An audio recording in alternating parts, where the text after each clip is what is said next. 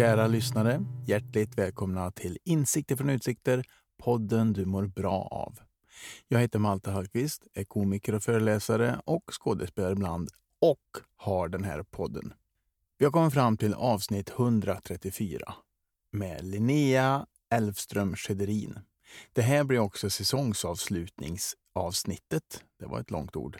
Nu tänker jag ta lite ledigt och jag hoppas att ni också får en ledig och skön sommar. Jag möter Linnea i en hotellfoyer i Stockholm. Hon har precis klivit av båten Cinderella där hon är showartist. Ni kommer få möta en väldigt energifylld person. Mer säger jag nog inte. Utan jag släpper lös avsnitt 134 av Insikter från utsikter med Linnea Elfström Schederin. Linnea växte upp med två stora intressen, sport och musik.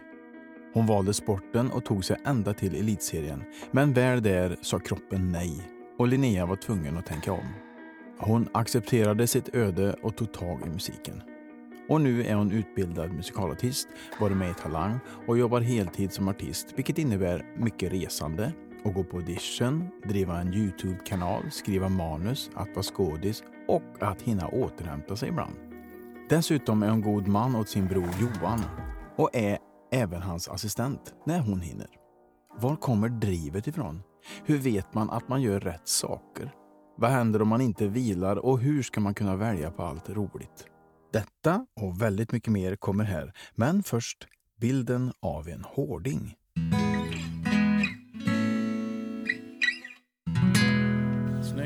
Tack så mycket. Men man är ju handbollsspelare sedan tidigare. Liksom. Ja visst, man är van att klara sig igenom Mm-mm. försvaret så att säga. Ja.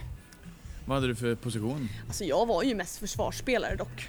Ja, ja. Så att jag... Eh, jag var den som folk hade svårt att ta sig förbi. Ja, Och det var kul. var det en hårding? Ja. Det är jag fortfarande. Är du det? Vill jag, ja, för fan. Ja. Don't mess with me. Kära lyssnare, hjärtligt välkomna till Insikter från utsikter, podden du mår bra av. Idag har jag en utsikt som jag haft för. Jag sitter på Scandic Grand Central, mitt emot Oscarsteatern. Där jag också har mitt emot mig min gäst idag. Linnea Elfström Schederin. Det stämmer. Jag kan nästan börja, du har dubbel efternamn Ja, det har jag. och det beror på...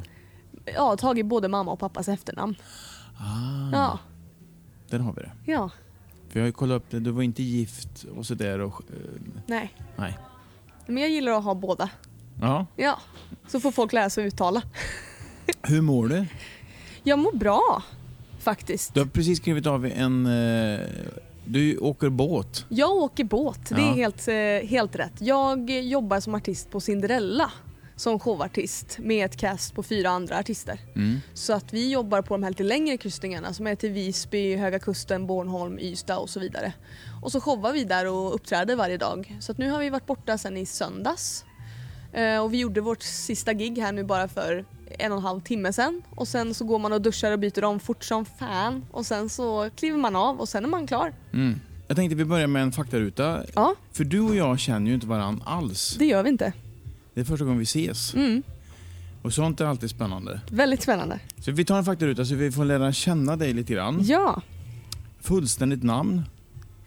Linnea Elfström Schedrin. Eller ja, Ulrika Linnea Elfström Schedrin. Ja, om vi nu ska jag- köra fullständiga ja, namnet. Ja, för Ja. mig att jag läste på om det. Ja, Mm. visst. Ålder? 29 år. Du fyller 30 I år ja. I år, i september har jag kollat upp. Ja, det gör jag. Känns det jobbigt? Lite. Men inte, inte i att jag har problem med att bli äldre för jag tycker verkligen att det går framåt och jag tycker det är skönt att bli äldre. Ja. För jag bryr mig mindre och mindre om sånt som inte är relevant. Så det är Ja. skönt, det är väldigt befriande. Men jag tror att det är svårt att identifiera sig med den ålder för man har växt upp med att se vad andra 30-åringar har gjort när man var liten. Och nu är generationen lite annorlunda. Så Ja. det är lite svårt att identifiera sig med det här nya. Nya 30. Ja, på något vis. Det är bara det tror jag. Ja, vad lägger du i det då? Ja du, jag vet inte. Jag tror att det är bara... Jag har ju valt en viss väg med att syssla med det jag håller på med. Mm. Och det är ju inte det konventionella man kanske väljer. Och jag kanske inte riktigt heller gör saker i den ordningen Svensson gör. Eller så som jag är uppväxt och ser runt omkring mig att folk gör. Nej. Som är liksom, jag kommer från en ganska liten stad och det är ofta liksom lite samma lika. Så du går den utbildningen, du har det där jobbet och du har typ ofta samma jobb. Var kommer du ifrån? Eh, Ljusne i Hälsingland.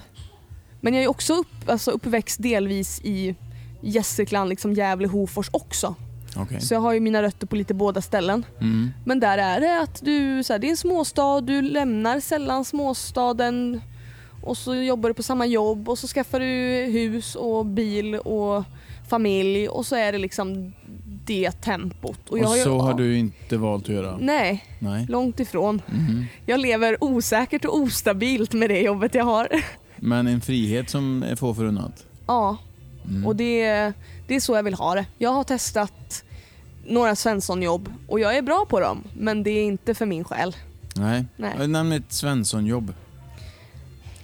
Jobba på lager, Ja. stå i butik, eh, jobba på café, Ja. jobba som servitris, receptionist, bartender, ja kanske inte riktigt Svensson men ändå kan vara. Mm. Ja men Mm. alltså fasta tider och... Fa- eh, Fasta tider, samma lunk. Mm. Inte för mig. Jag, jag kan bita ihop och göra det om jag behöver det. Mm. Så det är någonting jag är stolt över. Behöver jag jobba och göra skitjobbet, då gör jag det. Mm. Men jag njuter inte av det. Som Jag du gör med inte- det här. Jag förstår. Yrke, vad kallar du dig? Artist. Mm. Eh, Liksom artist och skådespelare.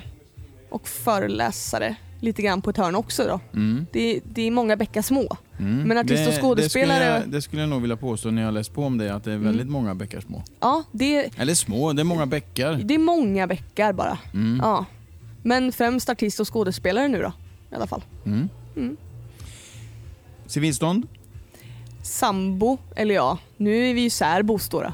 I och för sig. För han bor i Malmö och jag bor här. Så Mm. att särbos då, men partner sedan tre och ett halvt år. Mm. Vad heter han? Martin? Familj? Nej. Hobby? Nej. Nej men alltså, ja. Det där tycker jag är svårt för jag identifierar mig så himla mycket med mitt yrke så att det, jag har liksom inte riktigt haft någon hobby riktigt förutom att så här, jag älskar att träna. Men Mm. det var ju också en del av typ mitt jobb förut när jag liksom höll på som elitidrottare under en tid. Så, det. så det var ju en så stor del av bara att det här ska göras varje dag. Men det har väl blivit kanske min hobby nu då. Det gillar jag att göra när jag är ledig och jag mår bra av det och får Mm. vara ute i naturen då. Mm. Så det är väl ändå någon slags hobby tänker jag. Ja, tycker jag. Ja, Vi, den, den går under hobby. ja okej bra. Äter helst? Hamburgare. Mm. Mm. Dricker helst? Pellegrino citronläsk. Den är Mm. dyr men den är det godaste som finns. Den är dyr. Den är dyr. Mm. Sverige, det här är sista frågan nu på Mm. faktarutan. Sveriges bästa handbollsspelerska heter just nu... Vet du vad? Pass. Ah, okej. Jag är den sämsta handbollsspelaren tror jag i den aspekten är att jag inte är nördig. För fem Mm. öre i handboll, eller i handbollsspelare, eller i statistik. Alls. Det enda jag alltid varit intresserad av är bara att träna skithårt och stå på plan och spela. Okej. Allt annat runt omkring är lite så här. Eh. Så. Ja. Och det är lika, li, lite likadant med mitt musikalande. Jag älskar att jobba för att få stå på scen och att stå på scen. Men att gå och titta på musikal, inte riktigt, Det gör du inte? inte riktigt min grej jag, bara. tänker, jag tänker mest inspiration och... Ja, alltså absolut. Alltså jag sitter ju inte och tittar på musikal och våndas på något vis utan jag tycker det alltid är otroligt att se alla grymma artister liksom. Mm. Och det är klart att det är också inspirerande. Men jag tror att det har dels med min rastlöshet att göra att så här, dels ska jag sitta still i två och en halv timme eh, och sen så sitter jag ju bara där och bara, men jag vill stå där. Jag vill stå där, jag vill också göra det där. Och så blir jag, du vet, jag blir så inspirerad så att mitt huvud snurrar och då kan jag inte fokusera ändå. Då får jag massa idéer och så vill jag gå hem och öva och ställa mig och sjunga du den vill upp låten. på scen du. Ja, Mm. det vill jag. Okej, Mm. då, då stänger vi faktarutan Ja, och så tar vi det från början helt enkelt. Alltså, Mm. Det är tydligt när man läser på om det att det finns två stora bäckar. ja, Eh, och det är ju ett, musiken yes. och två, idrotten. Ja. Har de alltid gått hand i hand eller var det något som började före det andra? Jag tror att, alltså så här, jag skulle säga att jag startade samtidigt med sporten och sången. Mm. För jag började liksom på sångtävlingar och liknande grejer när jag var typ 10-11 år. Och jag började på du vet, fotboll på sommarna, handboll på vintrarna grejen samma ålder också. Mm. Men jag tror att jag bestämde mig inte riktigt att satsa på handbollen förrän liksom 14 års ålder. Så där skulle jag säga att sången var lite före i den aspekten. Mm. Men när jag väl bestämde mig för handbollen, det var ju också precis när jag började fatta vad jag faktiskt gjorde på handbollsplan. För första åren gjorde jag inte det. Då var jag så här, jag går och tränar handboll. Jag tycker väl att det är kul, men så här, ja. Jag var en unge som bara gick och idrottade och det var inget mer med det. Men sen var det någonting som klickade en match och jag bara, oh. Att låsa vad, fast... det, vad var det då? Jag minns det här, jag minns den här situationen fortfarande så sjukt tydligt. Där står jag och studsar och ja, är lite osäker och vet inte riktigt vad jag gör. Men så kommer en situation där en tjej framför mig när jag står i försvaret och hon får en boll och hon ska försöka ta sig förbi mig och jag står precis vid 6 meters linjen och jag låser fast henne med allt jag har. Och hon kommer inte loss och hon ramlar över mig. Och där var det som att jag bara, aha, det här är min roll när jag spelar handboll. För jag ser vad som kommer hända Ingen ska förbi. ingen ska förbi. Så det blev, därifrån så var det någonting som bara klickade i mig och där valde jag liksom handbollen och inte fortsätta spela fotboll till exempel. Mm. Så. Men hur mycket får man hålla i i handboll egentligen? Jättemycket tycker jag. Och så ler du när ja. du säger det. Nej men det är ju, jag vet inte, det är, det, jag tror att det är det jag älskar med handbollen så mycket, att det är så fysiskt. Och du kan ju spela gränsen till fult. Det är en konst tycker jag, att kunna behärska handboll och spela väldigt hårt utan att tappa sitt humör. Mm. Vilket jag gjorde första åren. Och det var på grund av min bakgrund hemma med min familj. Så jag hade väldigt mycket ilska jag bar på. Så första åren, så här 14, 15, 16, kanske till och med upp på 17, så hade jag väldigt mycket problem med att hålla mitt humör i linje med det här fysiska spelet. Eh, Kan det ha varit en bra kanal för dig där och ja, då? ja. Jag tror att det är enda grejen som har gjort det, förutom musiken, som höll mig på banan. Mm. För där var det bara här och nu. Och så gick det att kötta på lite också? Och kötta på. Alltså jag fick använda alla känslor jag var tvungen att trycka undan i vardagen fick jag få ut på handbollsplan. Och du springer in i folk och du åker i golvet och du skrapar upp dina knän och du fortsätter och du får smäll på smäll på smäll men du reser upp och bara kör, kör, kör. Ja, för det jag tänkte är väldigt långt ifrån fotbollsspelare, handbollsspelare. De reser upp och kör. Ja, En fotbollsspelare ligger och snurrar Ja. några varv och Mm. Tar sig på knät. de skulle behöva spela lite handboll. Ja, det tror jag. Men det är, en annan, det är en annan mentalitet och det är också en gentlemannasport. Även om du spelar väldigt hårt och du, någon åker ner i backen så hjälper du den personen upp. Mm. Men när jag blev lite äldre så började jag lyckas kanalisera lite annorlunda så jag kunde behålla mitt aggressiva spel men även spela lite mer mentalt och få de andra att tappa humöret. Så Mm. det blev en superkraft också när jag väl spelade. Jag kunde spela riktigt, riktigt hårt. Så de tyckte att du var oschysst egentligen? De tyckte att jag var jättejobbig. Sen spelade jag inte fult. Men jag spelade... Enligt dig i varje fall? Ja, nej. Nej men alltså så här, det är klart, jag, standarden var ett gult kort och en utvisning per match. Så att, ja. Ja, då Men- ligger man på gränsen. Ja det gör man. Men så här, jag skulle inte säga att mitt spel dominerades av fula drag. För det är inte, det, sånt tror jag inte på. Utan händer en olycka eller någonting, då händer det liksom. Ja. Men jag har aldrig haft avsikten att nu ska jag sätta min armbåge på din hals bara för att fucka upp för dig. Utan det har mer varit att du ska inte förbi här. Och jag vet att om jag håller i dig nu och ler lite grann så kommer du bli så arg på mig. Och det är då är du som kommer tappa balansen, inte jag. Mm. Du hade ett övertag där, det märks ju på dig. Ja, Mm. det ska jag säga. Ja. Mm. Du kom ganska långt också i din satsning. Du spelar Ja. elithandboll. Jag gjorde det. Alltså en kort tid, men jag gjorde det. När, Ja. när jag var 15 och skulle välja gymnasium så ville jag gå handbollsgymnasiet och estet. Och då bestämde jag mig för att jag ska bli elitidrottare. Jag ska upp dit. Mm. Och jag var liksom inte, jag skulle inte säga att jag var någon glasklar talang som man såg av många, många kanske i mitt lag som du vet drämde in boll efter boll efter boll. Jag gjorde något mål ibland som mitt sexa men jag var inte den spelaren. Jag var en försvarsspelare liksom. Mm. Eh, och då syns man kanske inte alltid lika mycket. Du får kanske inte lika mycket cred. Men jag satte det målet och jag tränade så hårt under de åren på gymnasiet. Det var morgonträning på måndag, onsdag eftermiddag, fredag morgon plus träning måndag, tisdag, onsdag, torsdag kväll med laget. Mm.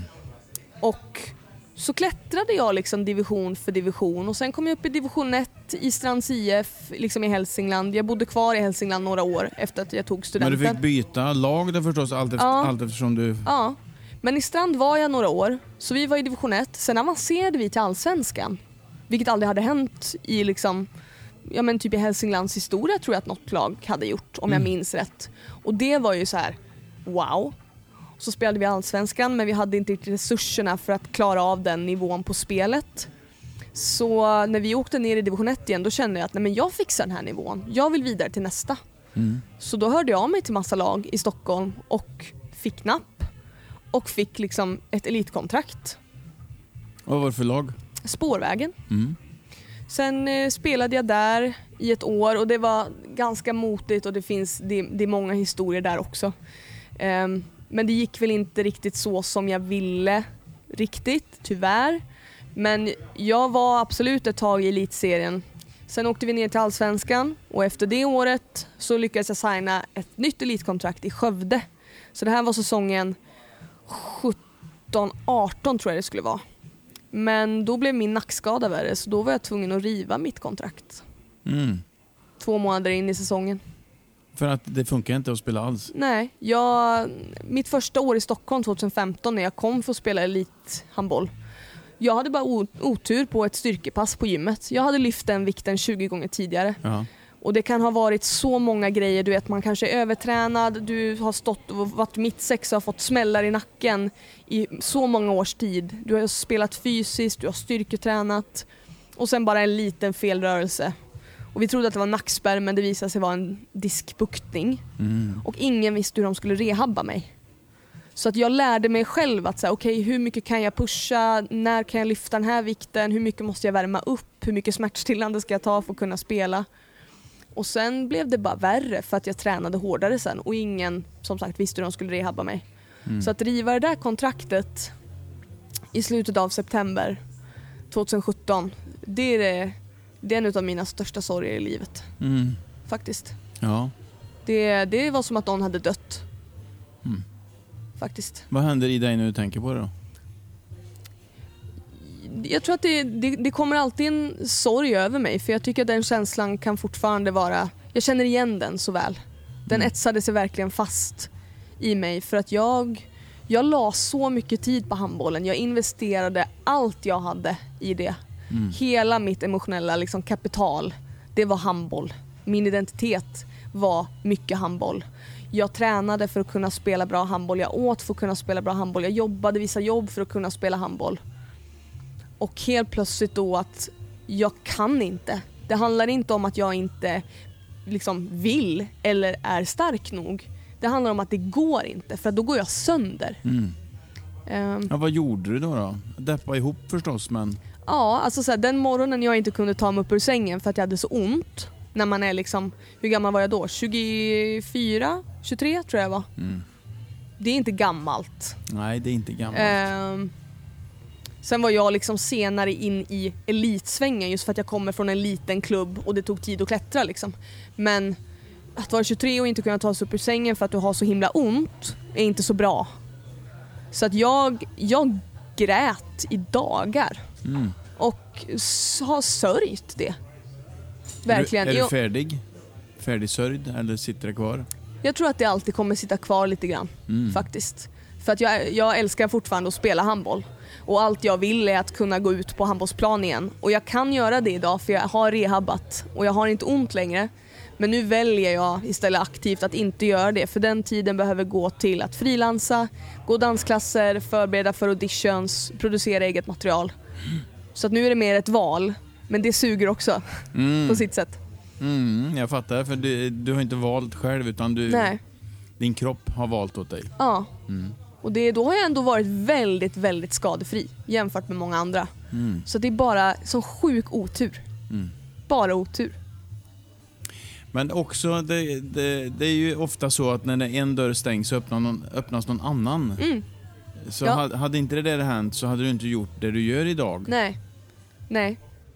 Det, det jag gjorde var att jag den veckan bara ringde mitt gamla jobb i Stockholm och bara Hej, det här har hänt. Får jag komma tillbaka och jobba? Mm. Ja. Kom dit, jobbade, försökte så här, okej vad gör jag nu? Helt plötsligt stod jag med alla dessa möjligheter och du vet jag bara, ska jag plugga? Ska jag plugga till typ socionom? Ska jag Mm. plugga till arkitekt? Eller ska jag göra det här eller det här? Eller oj vad mycket möjligheter jag har helt plötsligt. Men sen var det på typ nyårsafton till 2018 som jag bara fick någon så uppenbarelse och jag bara men nu, nu har jag möjlighet att lägga all min energi på liksom scenkonsten helt plötsligt. Jag måste ju göra det. Mm. Så då liksom bara dagarna efter signade jag upp mig på dansklasser för att kunna gå till eh, gå och göra bra ifrån mig på ett prov för att komma in på musikalartistutbildning. Och så kom jag in. Och så pluggade jag och Du är ju grymt entre, en, en grym entreprenör helt enkelt. ja, det skulle jag ändå säga. Ja, det skulle jag nog också ändå säga. Med tanke på det jag har igång just nu och det jag har Ja, men det, var ju, sa- skapat. det var ju samma sak inför eh, detta med handboll. Ja, Det var ju väldigt så målinriktat. ja, Göra det, göra det, Mm. gå dit, söka det. mm. Göra det som krävs. Mm. Och det tror jag alltid kommer ha med mig från handbollen i vad jag än tar mig an. Ja, det är inte bara handboll, så jag tror det, det finns i det. Har du alltid varit lite projektledare? Ja, Ja. definitivt. När upptäckte du det första gången då? Oj. Projekt. Alltså så här, jag tror jag har känt det redan från skolåldern. Att eh, så fort man jobbade i grupp så blev man... Så tog Kanske- du, du tog över? Ja men lite så, men jag ville inte jobba i grupp. Jag hatade att jobba i grupp. För då Jag vill var, du jobba. bero, då var du beroende Ja. av de lata. Ja, Mm. jag vill jobba själv. Ja. Jag var så här, men kan jag få göra någon extra uppgift istället? För jag ville bara... Jag ville vara, jobba själv och få bra betyg. Och Mm. få så, beröm. Men då, då har du även lite kontrollbehov? En del. Ja. Absolut. Men sen har jag ju liksom märkt det positiva med att ha den här, jag vet inte, entreprenörsandan eller vad man ska kalla det, den här drivande grejen att om jag får en idé att fan jag vill eh, skapa det där så kan jag göra det. Mm. Sen kan, man behöva be folk om hjälp ibland för att eh, jag har ingen koll hur en liksom, studio fungerar. Men om du kan knappa och så kan jag gå in i studion och sjunga och så kan du filma för jag kan inte filma. Mm. Och då kan man skapa någonting väldigt coolt vilket jag gjorde liksom.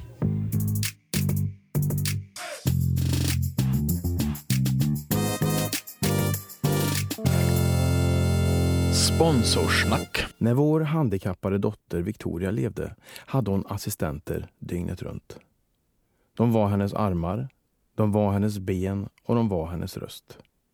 Vi hade otroligt bra assistenter som alltid såg till Victorias bästa och där märkte man hur viktigt det är med bra och noggrann rekrytering. Nu har jag träffat på ett assistansbolag som jobbar just på det viset.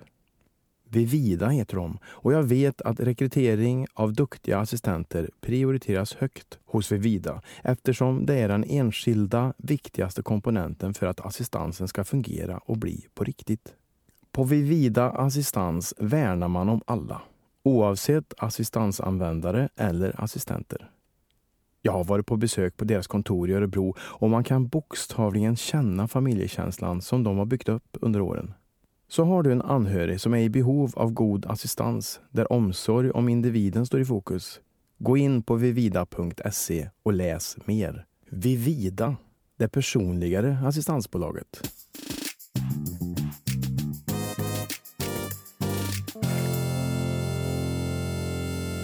Och sen kom du in på Kulturama? Jag kom in på Kulturama. Ja.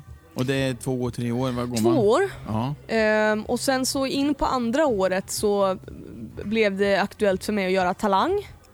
Så då gjorde jag Talang. Och nu är vi på 2020. Då är vi på 2020. Ja. För jag såg din audition när du sjöng eh, Wicked Ja. som grön häxa. Ja, Du sjunger Fantastiskt bra. Tack så jättemycket. Tack. Och, det, och hela studion exploderar ju. Ja. Panelen ställde sig upp, publiken skrek. Mm. Det var, det var på något vis för mig en, en revansch från handbollen på något vis. Mm. För att det var många gånger tyvärr under min tid som idrottare på högre nivå att ibland har du tränare som kanske inte alltid du kommer överens med eller som inte kanske ens alltid vill ditt bästa till och med. Mm. Eller inte bara det här lilla du vet att inte bli trodd på. Mm. Eller ha förtroendet att man löser en situation. Och man bara så här, du vet, man blev så van med att ja, nu sitter jag på bänken här, liksom, låt mig bara komma ut och spela så kan jag visa dig att jag kan det här. Sen fick man väl komma ut och spela och då blev de nästan så här. Oj, men du fixade det där. Man bara ja, sätt mig bara där så löser jag det liksom.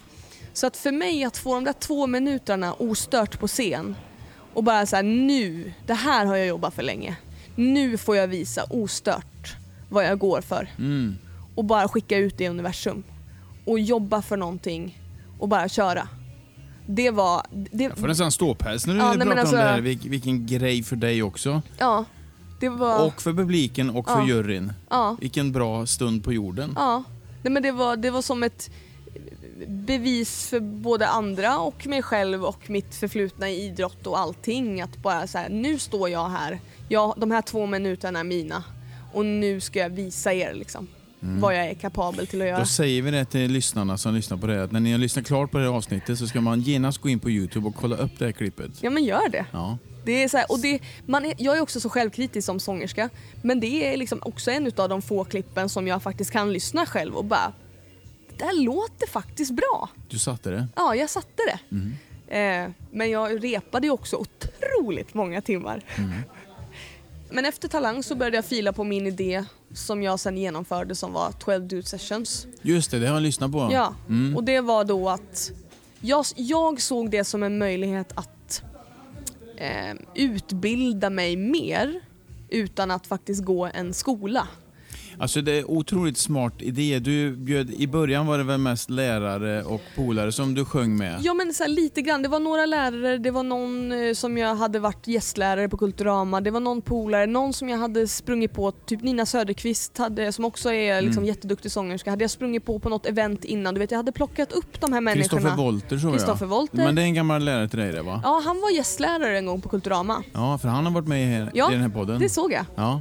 Ehm, Så jag plockade liksom upp folk som jag hade mött längs vägen som sångerska genom utbildning, gamla kontakter och så vidare. Intervjuade dem och gjorde 12 avsnitt. Mm. Och sen så fort säsong ett var klar så började jag jobba på säsong två. Och modifierade lite grann och gjorde det lite annorlunda. Och bjöd in även gäster som du inte kände så ja, bra. Som jag bara säger, men jag skriver bara och frågar. Mm. Det är det jag kan göra. Ja. Och så här, så tackar de nej, så tackar de nej. Det är ingen fara, men man kan alltid testa. Mhm. Och att få gå in i studion med så mycket olika artister med olika bakgrund. Alla låter olika men så fort du kommer in i studion, vad du än har gjort innan, helt plötsligt så blir du jämlika. Det är ingen tävling. Vi går in och ska jobba och skapa på någonting tillsammans Mm. för att göra någonting riktigt bra som vi ska släppa ut till universum sen. Liksom. Och det var så lärorikt. Mm. Och det var det bästa vidareutbildningen jag gått. Och även, alltså, om man pratar nätverk så måste det vara superduper bra. Jätte, jättebra. Jättekul. Jag insåg väl ganska tidigt att när jag hade gått Kulturama så var jag så här, ja okej, nej jag kommer nog kanske inte söka en treårig scenkonstutbildning. Jag gick en ettårig utbildning efter Kulturama som var opera. Vilket var jättelärorikt. Ut på Värmdö. Ja, Mm. men jag var lite såhär, nej, jag, för mig ligger det i min, min själ och mitt hjärta att skapa och lära mig från det och att förverkliga mina egna idéer. Mm. Jag ska ju liksom göra egen kortfilm nu liksom under våren till exempel. Bara för att få skådespela mer. Okej. Ja. Vad, vad ska den handla om då? Depression och eh, du med ett leende? utbrändhet. Med ett leende Ja. serverar du det? Ja. Eh, Och det är liksom baserat på egna erfarenheter. Det var den hösten när jag gjorde Talang som eh, mitt ex och jag gjorde slut. Mm. Och jag var ordförande i kåren, det var Talang, det var produktioner i tvåan. Alltså det var Ja, det var så mycket. Så det skickade bara in mig i en spiral och jag mådde skit. Mm. Och det här kände jag att jag ville fånga i bild och bara visa upp de här två versionerna av de här människorna. För jag kände ju liksom inte igen mig själv. Så, Mm. så det, var, det var jättetufft att ta sig igenom tvåan för mig, tyvärr. Så nu blir det kortfilm. Jag tänkte göra det, ja. Ja. ja. Vet du vart den kan sändas eller du bara gör den? Jag gör den och sen så tänker jag att jag och min kompanjon Jonte som ska filma, som också filmade 12 Dude Sessions, Mm.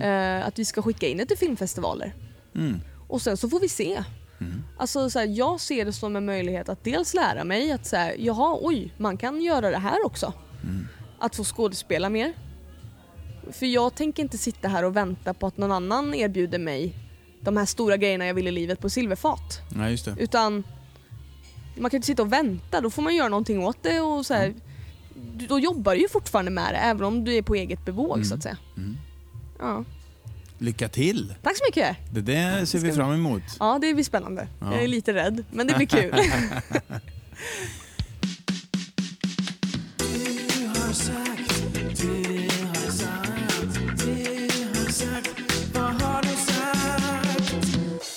Vad var det du sa?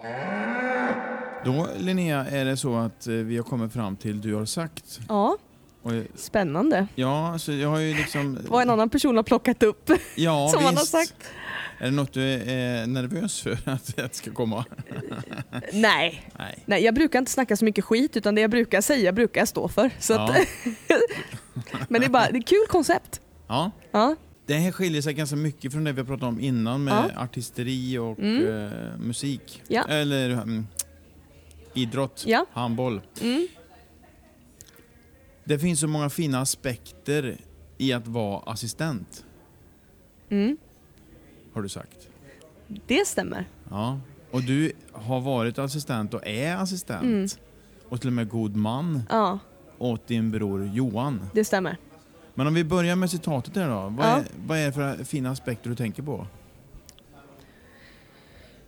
Jag tycker att, i alla fall för min del, när det kommer till min relation till Johan och våran dynamik, vare sig jag är assistent eller inte, jag, jag ser ju bara som att jag är storasyrra med mer ansvar typ. Men dels så är det en ovillkorlig kärlek där, som jag bara tycker är helt obetalbar. Mm. Och sen att du ser hela tiden vad ditt jobb gör för skillnad. För du skapar ju värde för en människa i deras vardag. Och speciellt för Johan som behöver så pass mycket hjälp. Var bor Johan? Han bor hemma eh, hos mamma och min bonuspappa Micke i Ljusne. Och det, hur långt har du dit då? Med snabbtåg två timmar och 20 minuter. Och hur ofta är du där? Beroende på hur jag har med frilans Mm. så är det, har jag mer jobb så är jag där kanske varannan månad, var tredje, jobb, var tredje månad.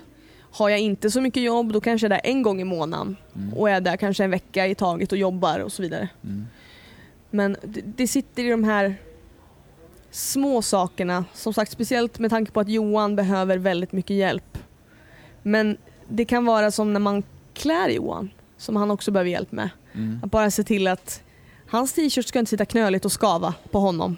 Sitter bältet för hårt, det får det inte göra för det, ska inte, det är inget skönt liksom. Eh, är, du, är du för varm och så tar man av tröjan, är du för kall men då, då klär vi på dig. Liksom så här, allt ska sitta bra, det ska kännas bra för honom och jag vet inte, det är någonting. Är ni fler syskon eller är det du och Johan? Vi är fler syskon, ja, vi har ju även en, en till, jag har även en till lillebror då, Sebastian som är, vad är han nu, 19? Mm. Så.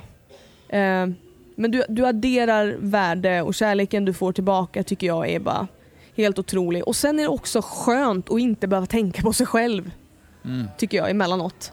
För att all fokus är på den här människan och även om det tar väldigt, väldigt mycket energi, vilket det gör, så får jag en paus från mitt eget.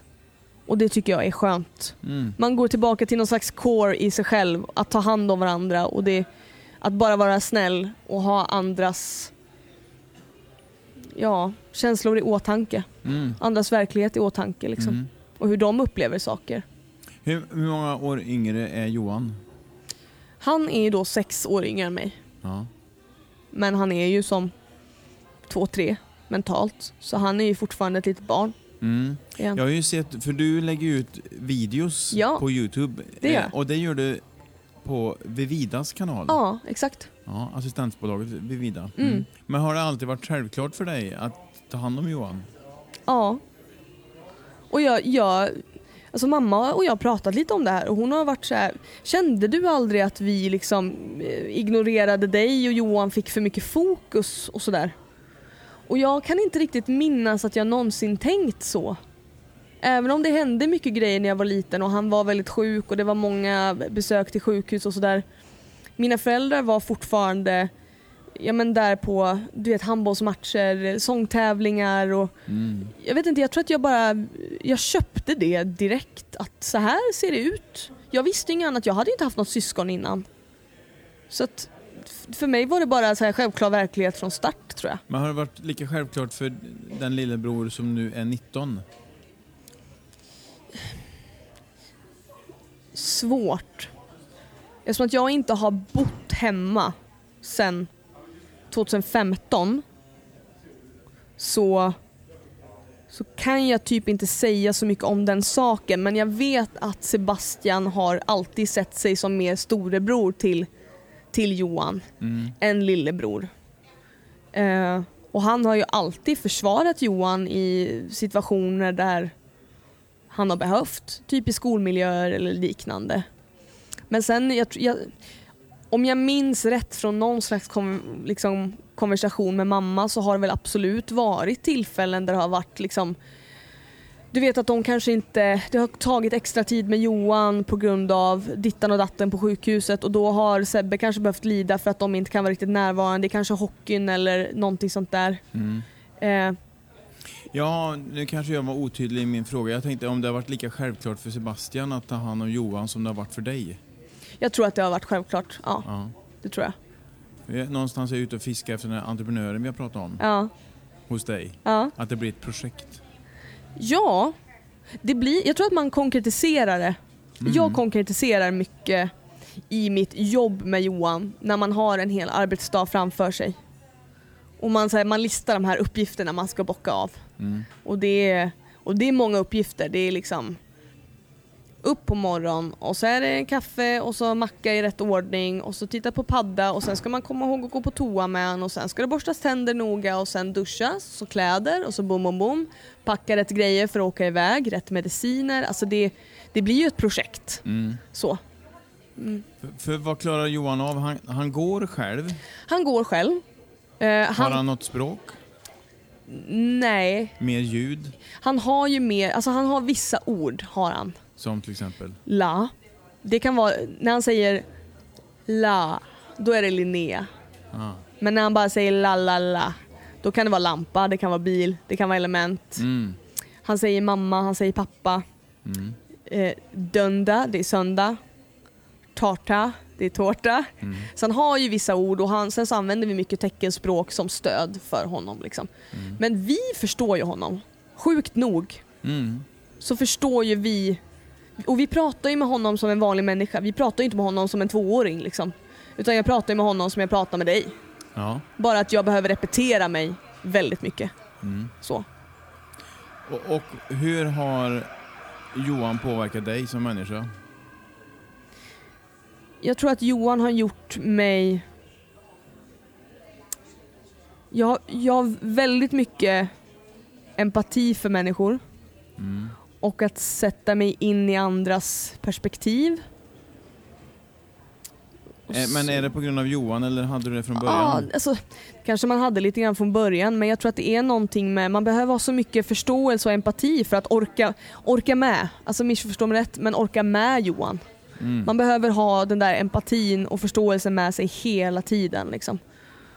Och att kunna se bortom en människas eh, aktioner, vad de gör eller vad de säger och förstå att det finns så mycket mer där bakom som gör att den här personen agerar som den gör eller säger det den gör. Mm. Eh, och jag har väldigt svårt för orättvisor. Och det tror jag kommer med att ha Johan som lillebror. Mm. När det är orättvist mellan människor. Och när människor inte behandlas som människor med lika värde tål inte. Och Mm. det kan vara från Blir alla du möjliga arg situationer. eller blir du ledsen? Både och. Ja. Och det kan ju ha med både liksom sexism att göra, rasism att göra, makt, folk i maktpositioner, folk med mindre makt. Det är mycket sånt idag som jag, där vi befinner oss i världen, där jag liksom, ofta när jag läser grejer, du vet, liksom på Instagram eller någonting, där man bara, hur kan vi behandla människor Mm. på det här sättet? Jag, jag, jag förstår inte det. Jag, jag blir så upprörd, Mm. blir jag. Jag tror många människor skulle må bra av att växa upp med någon som har särskilda behov. Ja, det tror jag.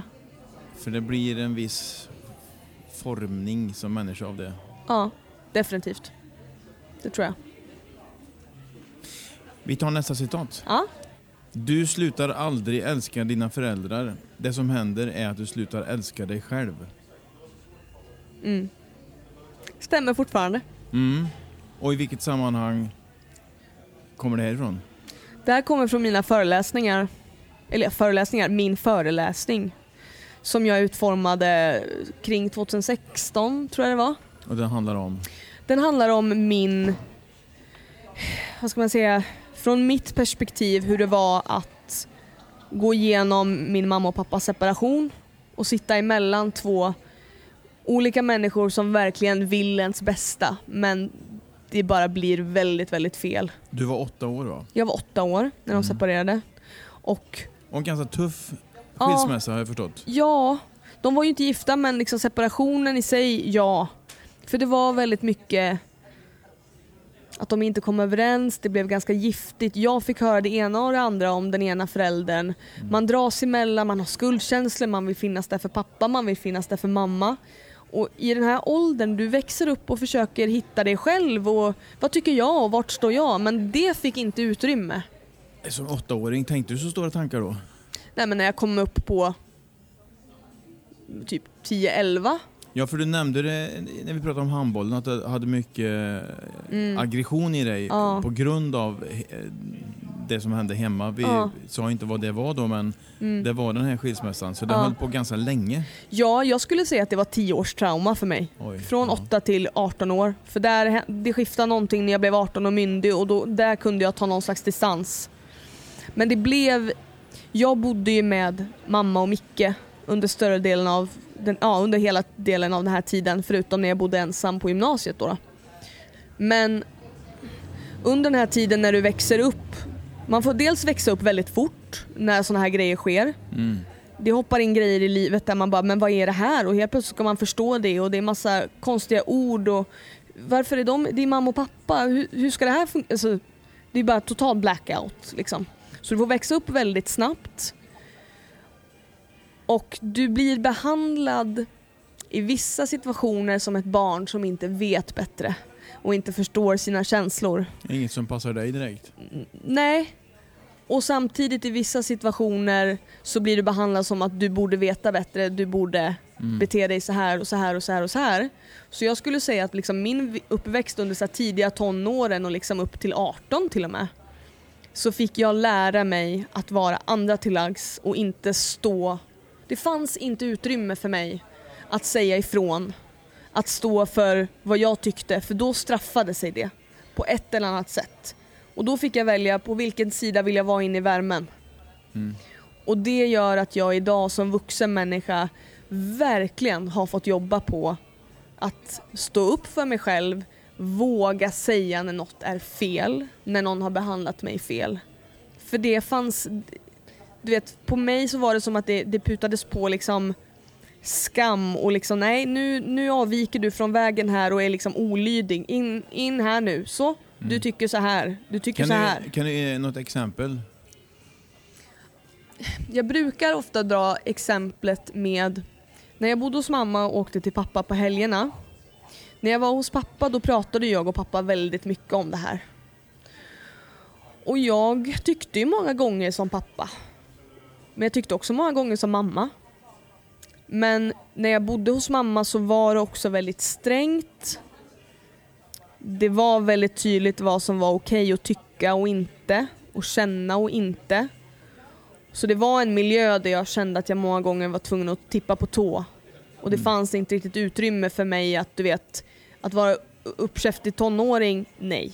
Mm. Det fick min lillebror vara nu, liksom Sebastian. Han fick vara en bångstyrig tonåring. Kunde du vara det hos din pappa mer, upplevde du? Tror jag, alltså jag tror aldrig att det fanns riktigt i mig att vara det bara för sakens skull men du vet bara att stå för sina åsikter det fanns inte riktigt att göra hemma hos mamma.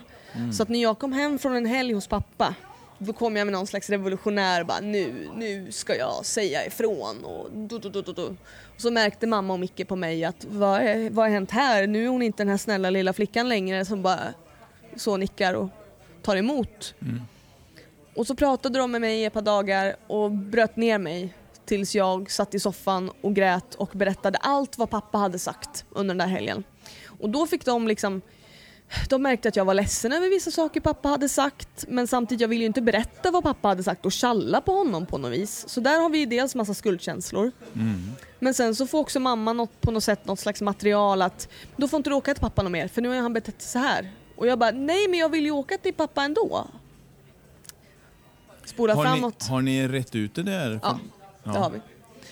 Eh, men spola framåt en vecka och du vet det är dags för helg snart igen. Mm. Bara säga jaha okej hur ska vi hur ska jag få det här nu att funka och få mamma att låta mig åka till pappa? Och då har pappa förmodligen försökt nå mig under veckan men mamma har sagt att du får inte svara i telefon. Och då när jag väl pratar med honom då frågar han men varför svarar du inte i telefon? Nej jag vill inte åka till dig. Och han bara va? Men du vill ju... Nej. Sen får han till slut fram att jaha det är mamma som har sagt men jag vågar inte säga något annat Mm. Än du det ska, där. Du ska liksom Ja.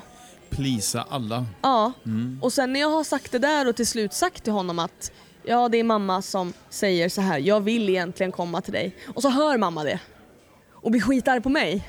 För att jag har sagt att ja men mamma sa att jag inte vill. Och då blir hon arg på mig för att jag typ outar henne för att Prata om att komma i kläm mellan två föräldrar. no shit. Alltså, och det där hände så sjukt, sjukt många gånger. Och där var det, alltså just det är som att någon bokstavligen klyver dig mitt i tu. Mm.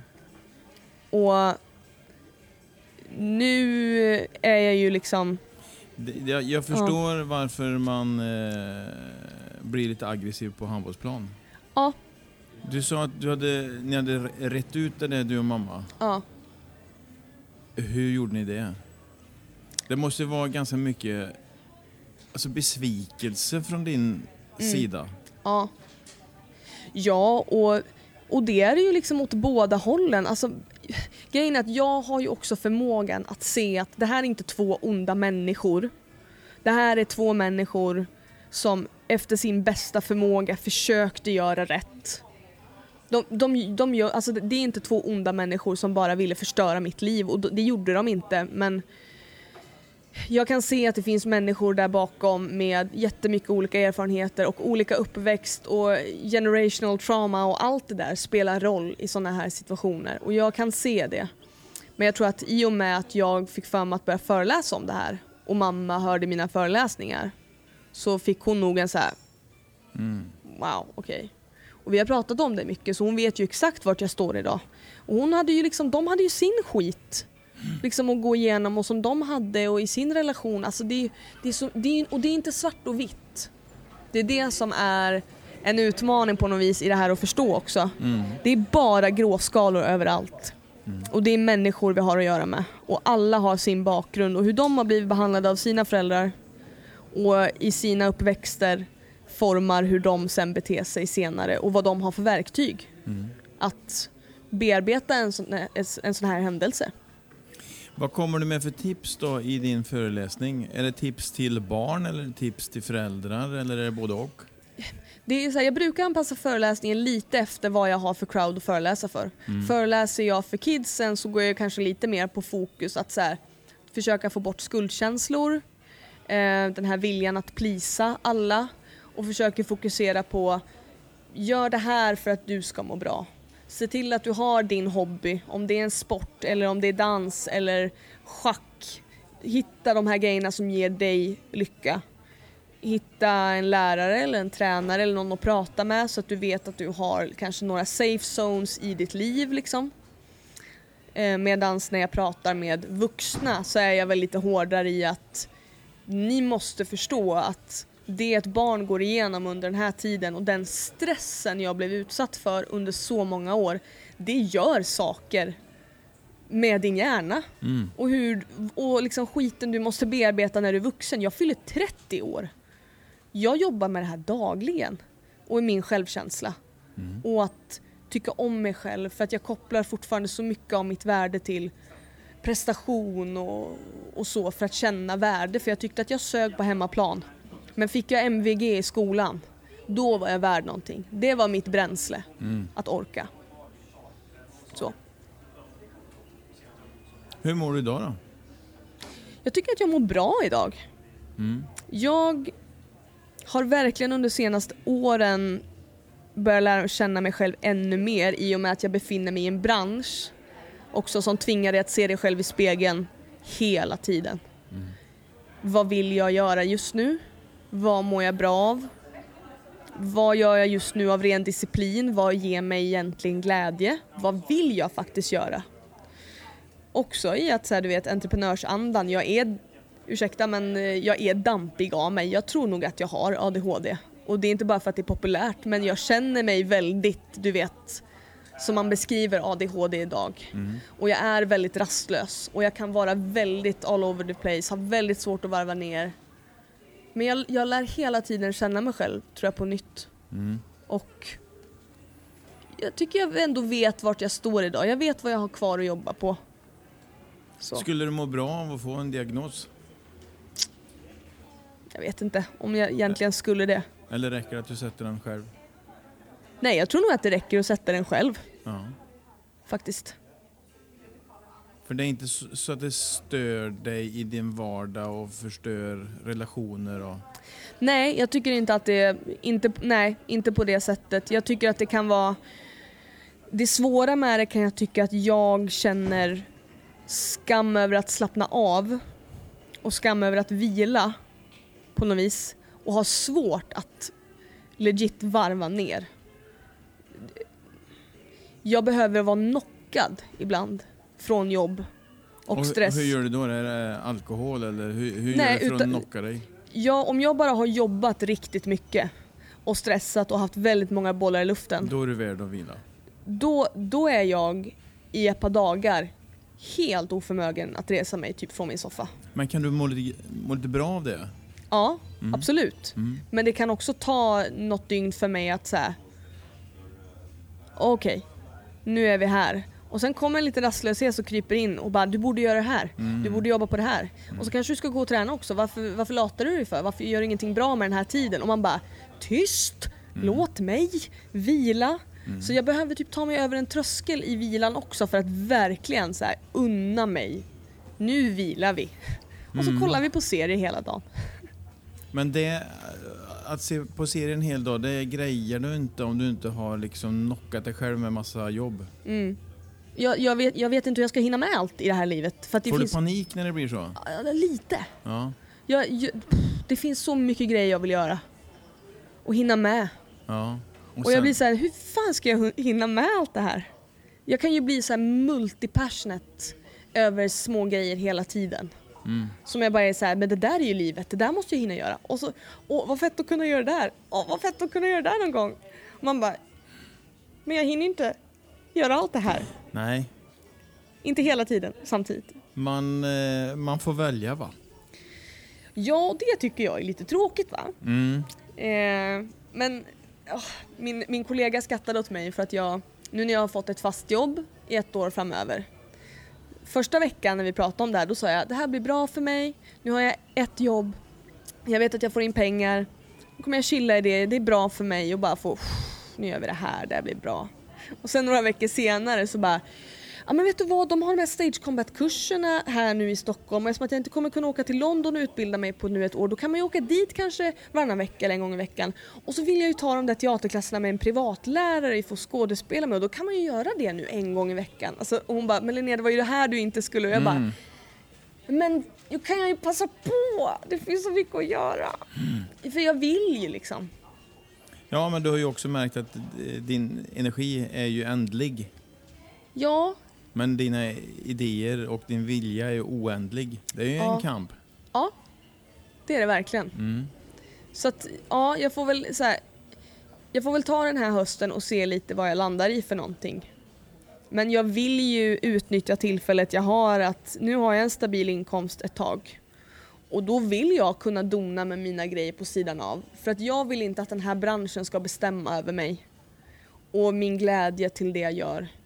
För mig ligger mycket frihet i, och det här lärde Kristoffer Wolte mig. Mhm.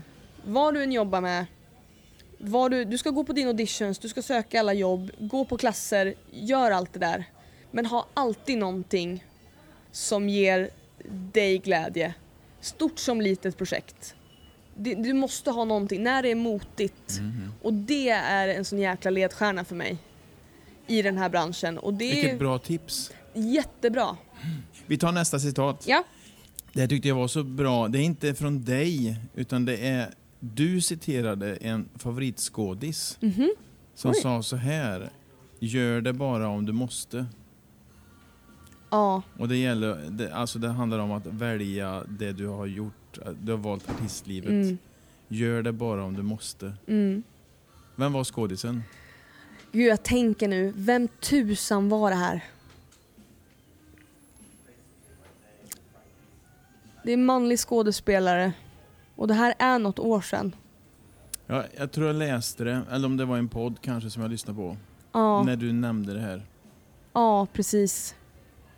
Jag kommer inte ihåg det nu, men när han sa det här i det här klippet. Jag tror att han också pratade om hur, liksom, hur, speciellt, hur speciellt det är att jobba med musik Mm. och artisteri, skådespeleri. Det är en hänsynslös bransch på många sätt. Vad menar du med det? Att du kan lägga ner så mycket jobb på någonting, på en audition och hänga upp mycket av ditt liv på det. Och du får ändå ett nej. Mm. Du kanske får många nej till och med. Mm. Du blir kapad efter bara första dansaudition och kanske inte ens får sjunga. Du åker till Hamburg och får reda på att efter dansen att det blir också en gallring här. Fast det inte var den informationen du fick från början. Mm. Ehm, du kanske inte ens får chansen att komma in och provläsa till någonting för att du inte har rätt saker på ditt CV. Men vad betyder egentligen grejerna på CV när det finns så många andra vägar att gå också?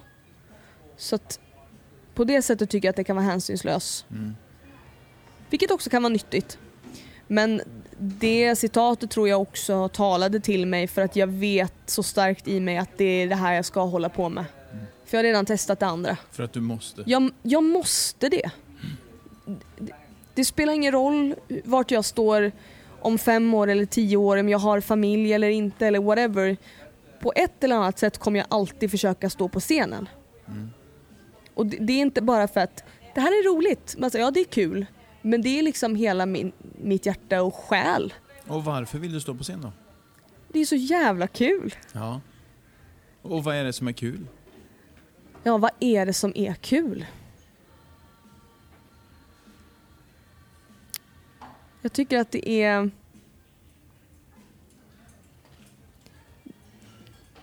Det är utmanande, dels. Att gå utanför dig själv när du till exempel jobbar med en karaktär. Mm. Du får undersöka väldigt mycket och du får undersöka väldigt mycket i dig själv.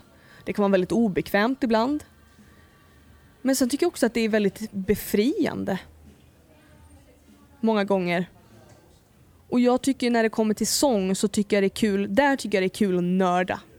Alltså du vet repa till du vet perfektion. Alltså du vet verkligen Mm. så här stavelser. Och sätt att sjunga och placering och vokaler och dynamik och... Men sen det, det är bara att stå där för mig, det är, det är ren glädje bara. Jag Mm. känner mig så levande när jag har gått av scen. Och det känns bara rätt. Det är bara i linje med, med hela min existens på något vis. Det är ju en väldig nu-känsla. Ja, det är det. Det är nog ganska mycket snurr i ditt huvud. Ja. Men när du står på scen så är det inte det? Nej, jag tänker inte på någonting annat då. Nej. Och det kanske du har svaret av varför du gillar Ja. det så mycket. Och sen tycker jag att det är kul att leka. Mm. Alltså att få göra trasorna bananer, det var ju... Oh my god. Få hoppa runt i en gamkostym och spela Allan Ballan. Fast så du heter polygam, polygam. inte Allan. Nej, sant. Men att så här, du vet, det är så mycket lek i det. Mm. Och det är så mycket färger och det är bara, det är skitkul. Och jag vill ha roligt och må bra i det. Mm. Så att jag tror att bara så här, grundsvaret någonstans bara att det är, jag tycker det är så jävla roligt. Så pass roligt att jag typ behöver ha det i mitt liv för att fungera. En drog. Ja, Mm.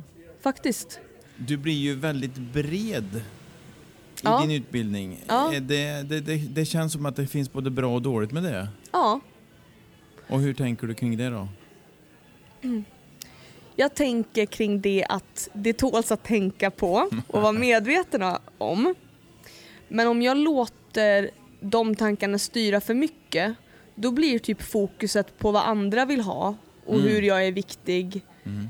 Mer än att på vad mår jag bra av och vad Ja. tycker jag är kul. Och du tycker det är kul att vara bred?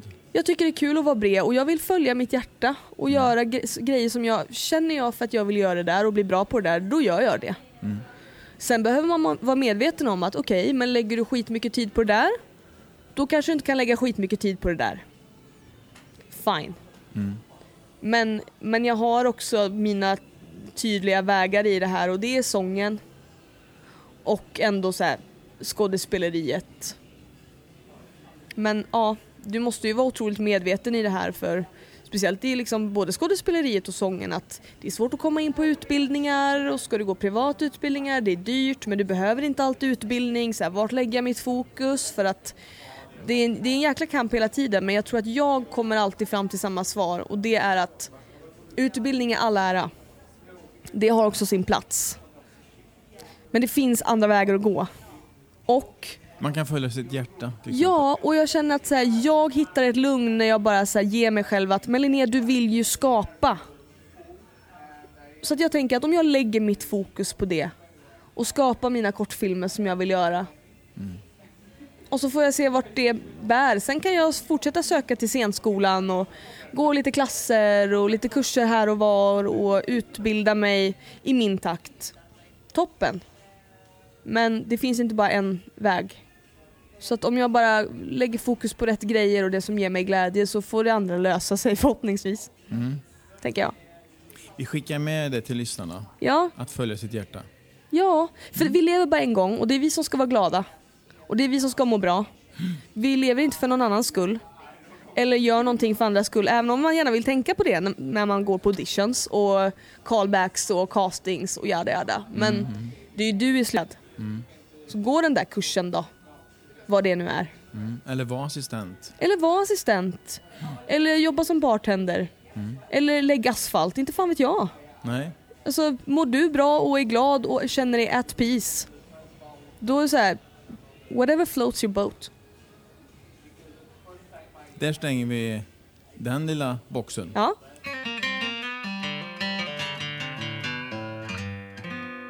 Avslutningsvis. Ja. Förresten, hur går det att sitta still så här länge? För dig? Nej men det, det, än så länge går det bra. Ja. Jag har ju redan jobbat lite idag och fått, Du är, Fått du, ut du, en del. Du är nere på tomgång. jag är lite nere på tomgång faktiskt. Så att jag känner mig än så länge lugn. Vad kommer jag märka om du blir eh, olugn?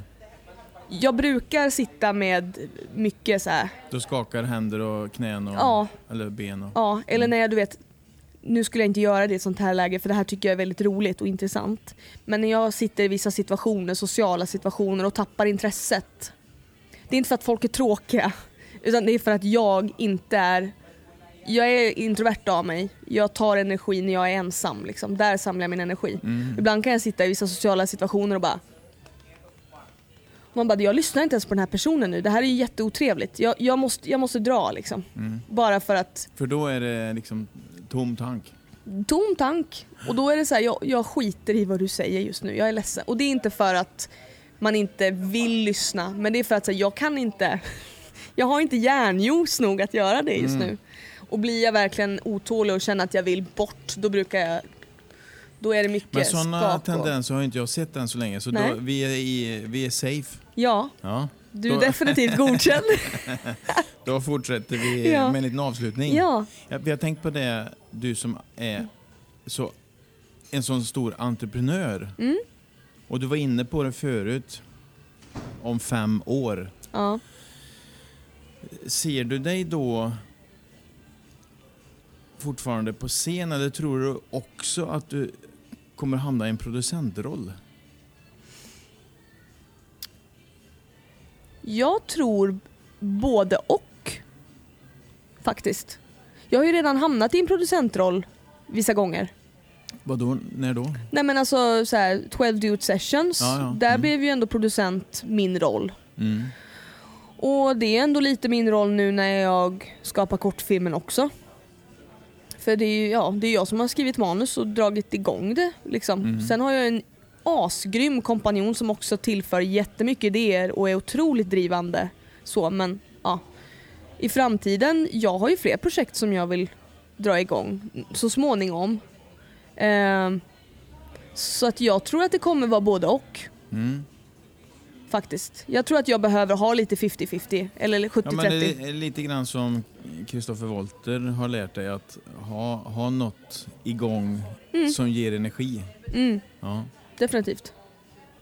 Har du också eh, tänkt på det när, eftersom du är en sån entreprenör, jag Mm. har sagt det många gånger, men det är så tydligt på dig. Mm. Eh, har, du är så ung också, men har, det, har du märkt någon gång att, att det tar energi från ditt skapande? Att du blir för entreprenöriell? Åh, vilken intressant fråga.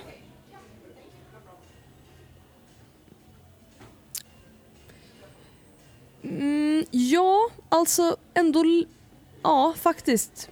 Nu när jag ändå tänker på det lite grann. Alltså under senaste året, sett då från förra året vid den här tiden, så var jag i en period där jag hade väldigt mycket idéer Mm. och saker igång som var såhär, oj jag ska göra det där och jag ska göra det där och det var kortfilm och manus på G och, och du vet min konkreta sida bara du, du, du, du, du, du, dum. ja jag pratar med den här personen och sen kan man ge den personen den lönen och så tar vi den musiken därifrån för att få ihop det och sen någonstans så satt jag där och bara oh vänta nu nu måste jag kolla här vart är min, eh, vart är min lilla vibe här nu Mhm. där jag plockar det här lilla Ja, det var det jag Den- menar ja, med det det kreativa lilla sp- skapandet. det här sparkle som jag liksom kallar det. Mm.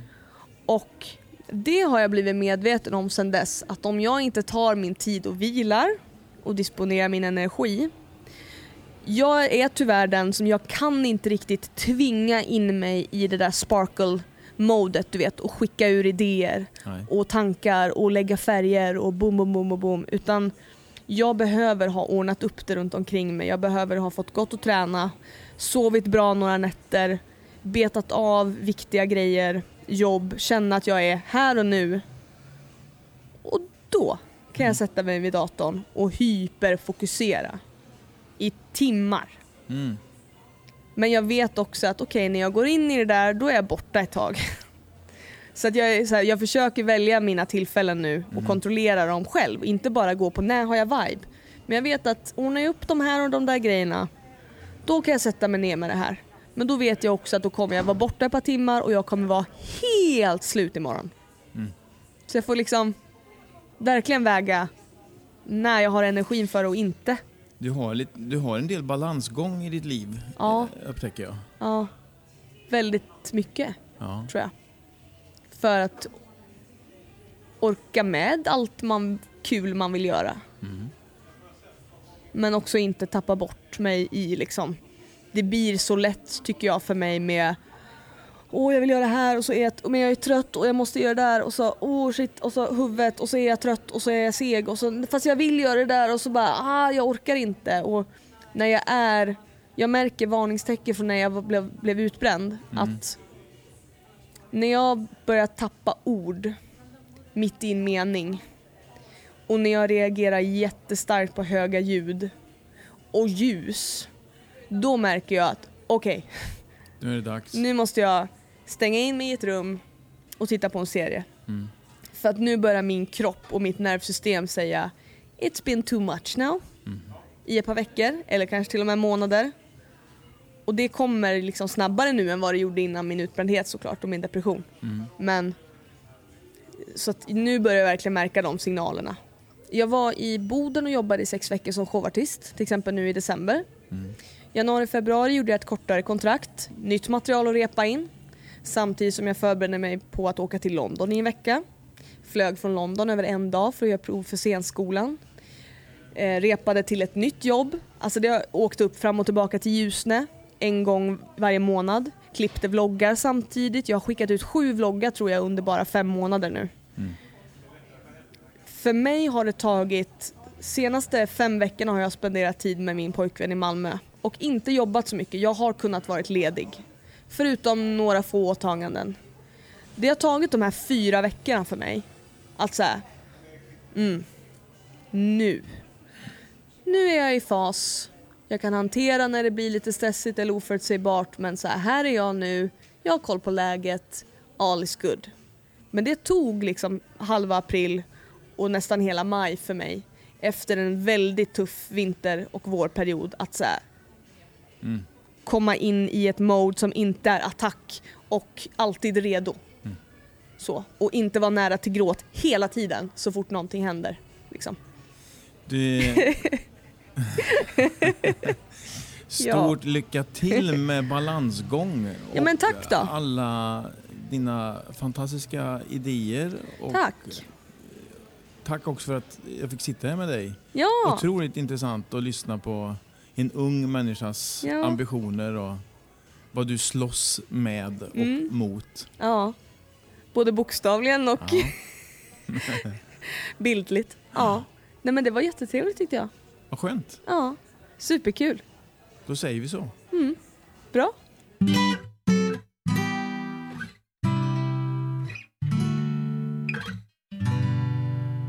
Mm, det var Linnea det. Visst smittas man av hennes energi. Nu tar jag som sagt ledigt. Har ni avsnitt kvar som ni inte har lyssnat på på den här podden, passa på under sommaren. Jag tror det är en perfekt sommarlyssning. Och så ses vi när sommaren tagit slut. Ha en trevlig sommar. Hej!